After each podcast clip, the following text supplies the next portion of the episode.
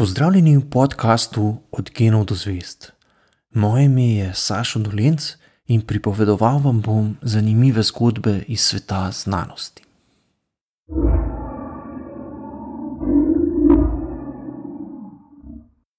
Angliški podeželski zdravnik Gideon Mantle je za zabavo rad zbiral fosile.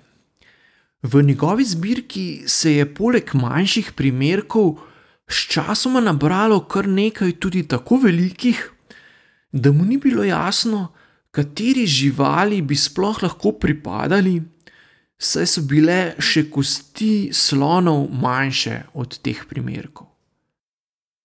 Leta 1822 je njegova žena Mary našla še nekaj zelo velikih zob, za katere tudi takrat najbolj ugledni znanstveniki Anglije in Francije niso znali ugotoviti, kateri živalski vrsti bi lahko pripadali.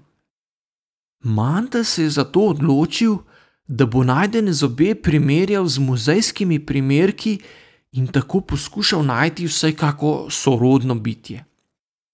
S primerjanjem je ugotovil, da so zelo podobni zobem kuščarjev, imenovanih legvani, le da so kar 20krat večji. Takrat se mu je posvetilo, da je najverjetneje prišel na sled do tedaj še neznani izumrli živalski vrsti, ki jo je poimenoval Iguanodon. Do podobnih zaključkov, da so namreč našli ostanke še neznanih živalskih vrst, je prišlo v tistem času tudi nekaj drugih zbiralcev fosilov, Zato je leta 1842 paleontolog Richard Owen predlagal, da bi za poimenovanje skupine teh nenavadnih izumrlih živali, katerih fosilne ostanke so našli, uporabili izraz dinozauri. V Londonu je na to pripravil odmevno razstavo fosilov dinozaurov, in izdelal tudi njihove modele v naravni velikosti, ki so vzbudili veliko zanimanje javnosti. Na podlagi odmevnosti razstave mu je uspelo v Londonu ustanoviti tudi prirodoslovni muzej, v katerem so bile najdbe na to stalno na ogled obiskovalcem.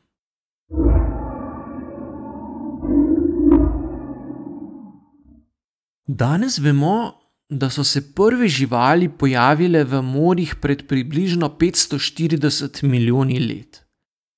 Predtem so obstajale le bakterije in podobni enocelični organizmi. Prve živali so bile dokaj raznolikih oblik, med katerimi so morda najbolj znani trilobiti, saj se jih je v obliki fosilov kar veliko ohranilo.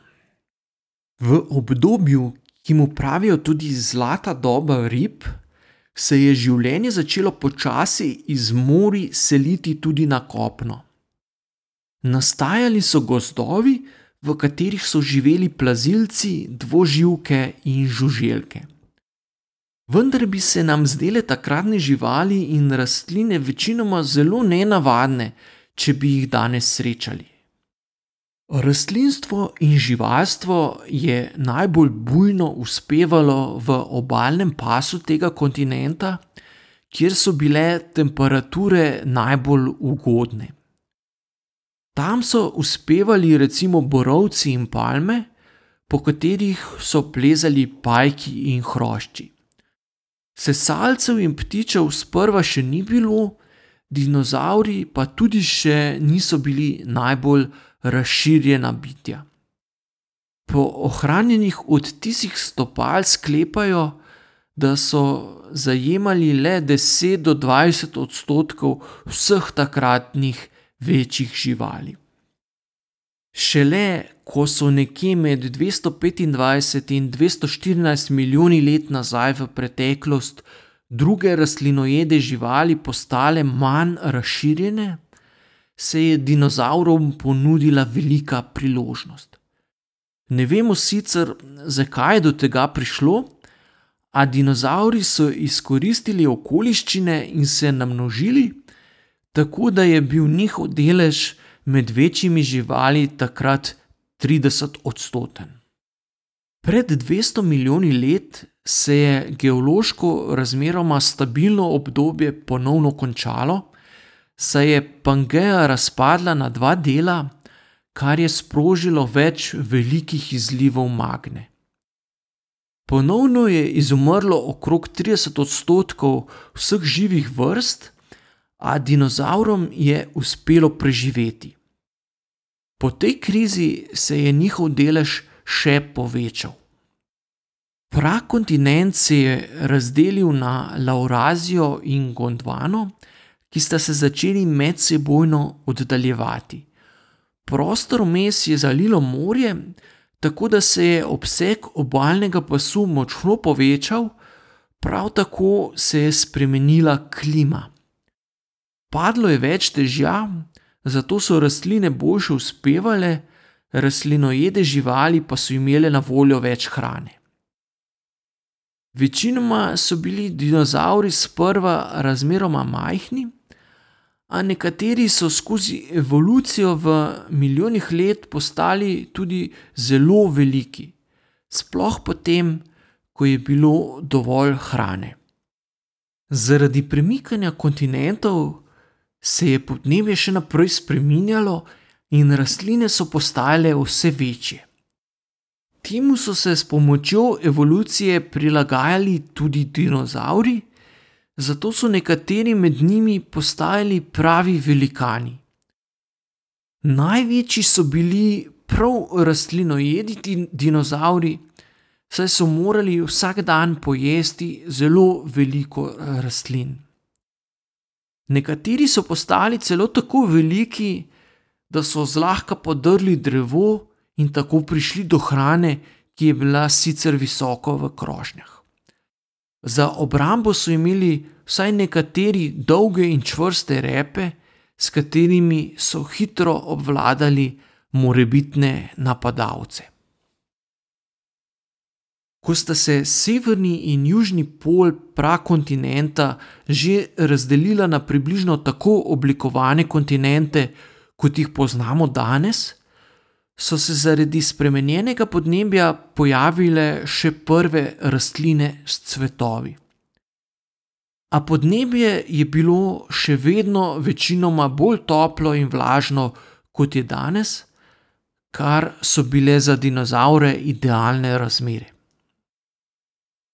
Dinozauri so se v tem obdobju razvili v najrazličnejše vrste. Nekateri so postali zelo veliki, saj naj bi tehtali tudi po 80 ton in več, drugi so se po površju zaščitili s perjem, tretji pa so razvili tudi krila. Nekateri so imeli celo dva para kril. V tem obdobju so se pojavili tudi prvi sesalci, za katere je bilo značilno, da so rodili žive mladiče in se niso razmnoževali preko valjenja jajc, tako kot dinozauri in ptiči. Bili so majhni in živeli so na drevesih. Iz ohranjenih lobanj je razvidno, da so imeli dinozauri razmeroma majhne možgane, kar je pomenilo, da niso ravno veliko razmišljali, ampak so se odzivali po urojenih mehanizmih delovanja. Jajca so običajno znesli na kakem varnem kraju in jih pustili, da so se mladiči sami izvalili. Verjetno je bila vsaj pri večjih dinozaurih težava v tem, da so lahko zaradi precejšnje teže in velikosti zlahka pohodili in zdrobili jajca, če so bili v bližini, zato so jih raje zapustili in upali, da se bo vsaj kateri od mladičev samostojno izvalil in odrasel. Obstajajo pa dokazi, da so si nekatere vrste dinozavrov zgradile tudi gnezda in jih čuvale, podobno kot to počnejo ptiči. Pred 65 milijoni let je ponovno prišlo do velike katastrofe. V Zemljo je trčil za goro velik asteroid, in povzročil hudo opustošenje. Udar se je sprva občutil kot zelo močen potres, na to pa so se sprožili še veliki tsunami. V zrak se je dvignilo tudi veliko prahu, ki je dolgo časa zastiral sončno svetlobo.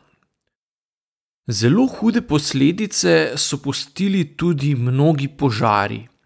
Domnevajo, da je zgorela kar polovica vsega takratnega gozda.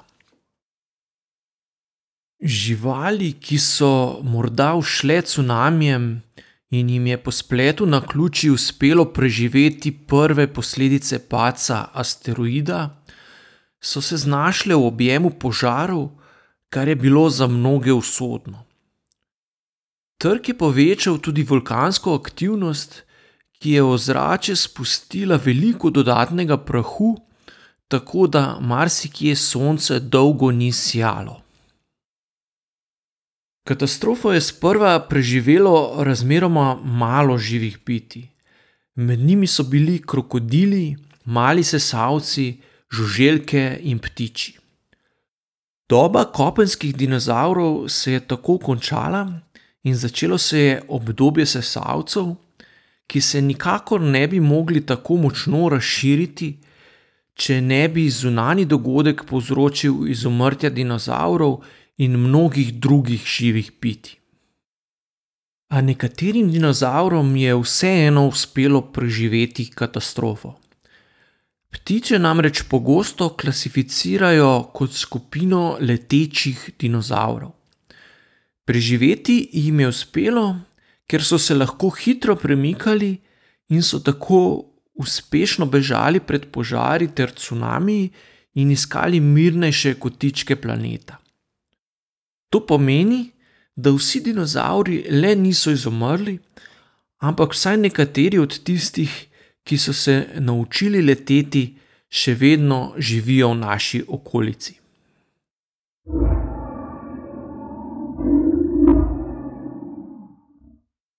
To je bil podcast Od genov do zvest. Moje ime je Sašo Dolenc in z novo zgodbo se vam oglasim že k malu.